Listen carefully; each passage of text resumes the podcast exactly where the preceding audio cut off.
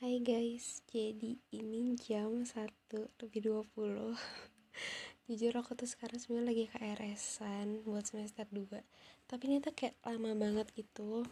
Terus gak pasti jam berapa. Jadi daripada gabut um, Mending aku nge-podcast aja kali ya. Uh, Gak tahu jujur bingung mau ngomongin apa. Tapi mungkin sekarang aku pengen cerita-cerita sedikit sih soal latar belakang dari kenapa aku bikin podcast kisah dari Bandung. Jadi aku tuh dulu seneng banget dengerin podcastnya Bang Dera, namanya itu teman tidur.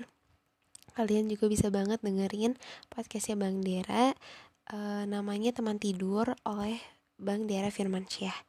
Itu rame banget kayak ceritanya sih mostly tentang hmm, hubungan, relationship, gitu-gitu.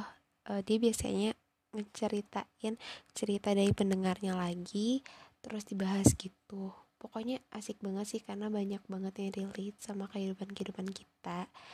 Terus satu lagi aku terinspirasi dari YouTube-nya Bang Raditya Dika. Jadi ada salah satu konten dia yang bikin cerita pendek gitu. Dia sempat bikin lima kalau nggak salah tapi dia nggak lanjutin lagi tapi aku suka banget kelima limanya nggak tahu kayak asik aja. Soalnya sensasinya beda gitu. Dia bikin cerpen tapi dia bacain. Jadi kita tinggal nggak dengerin doang gitu. Asik banget. Jadi aku pengen di podcast ini juga aku pengen nyeritain nyeritain gitu cerpen cerpen yang sempet aku bikin.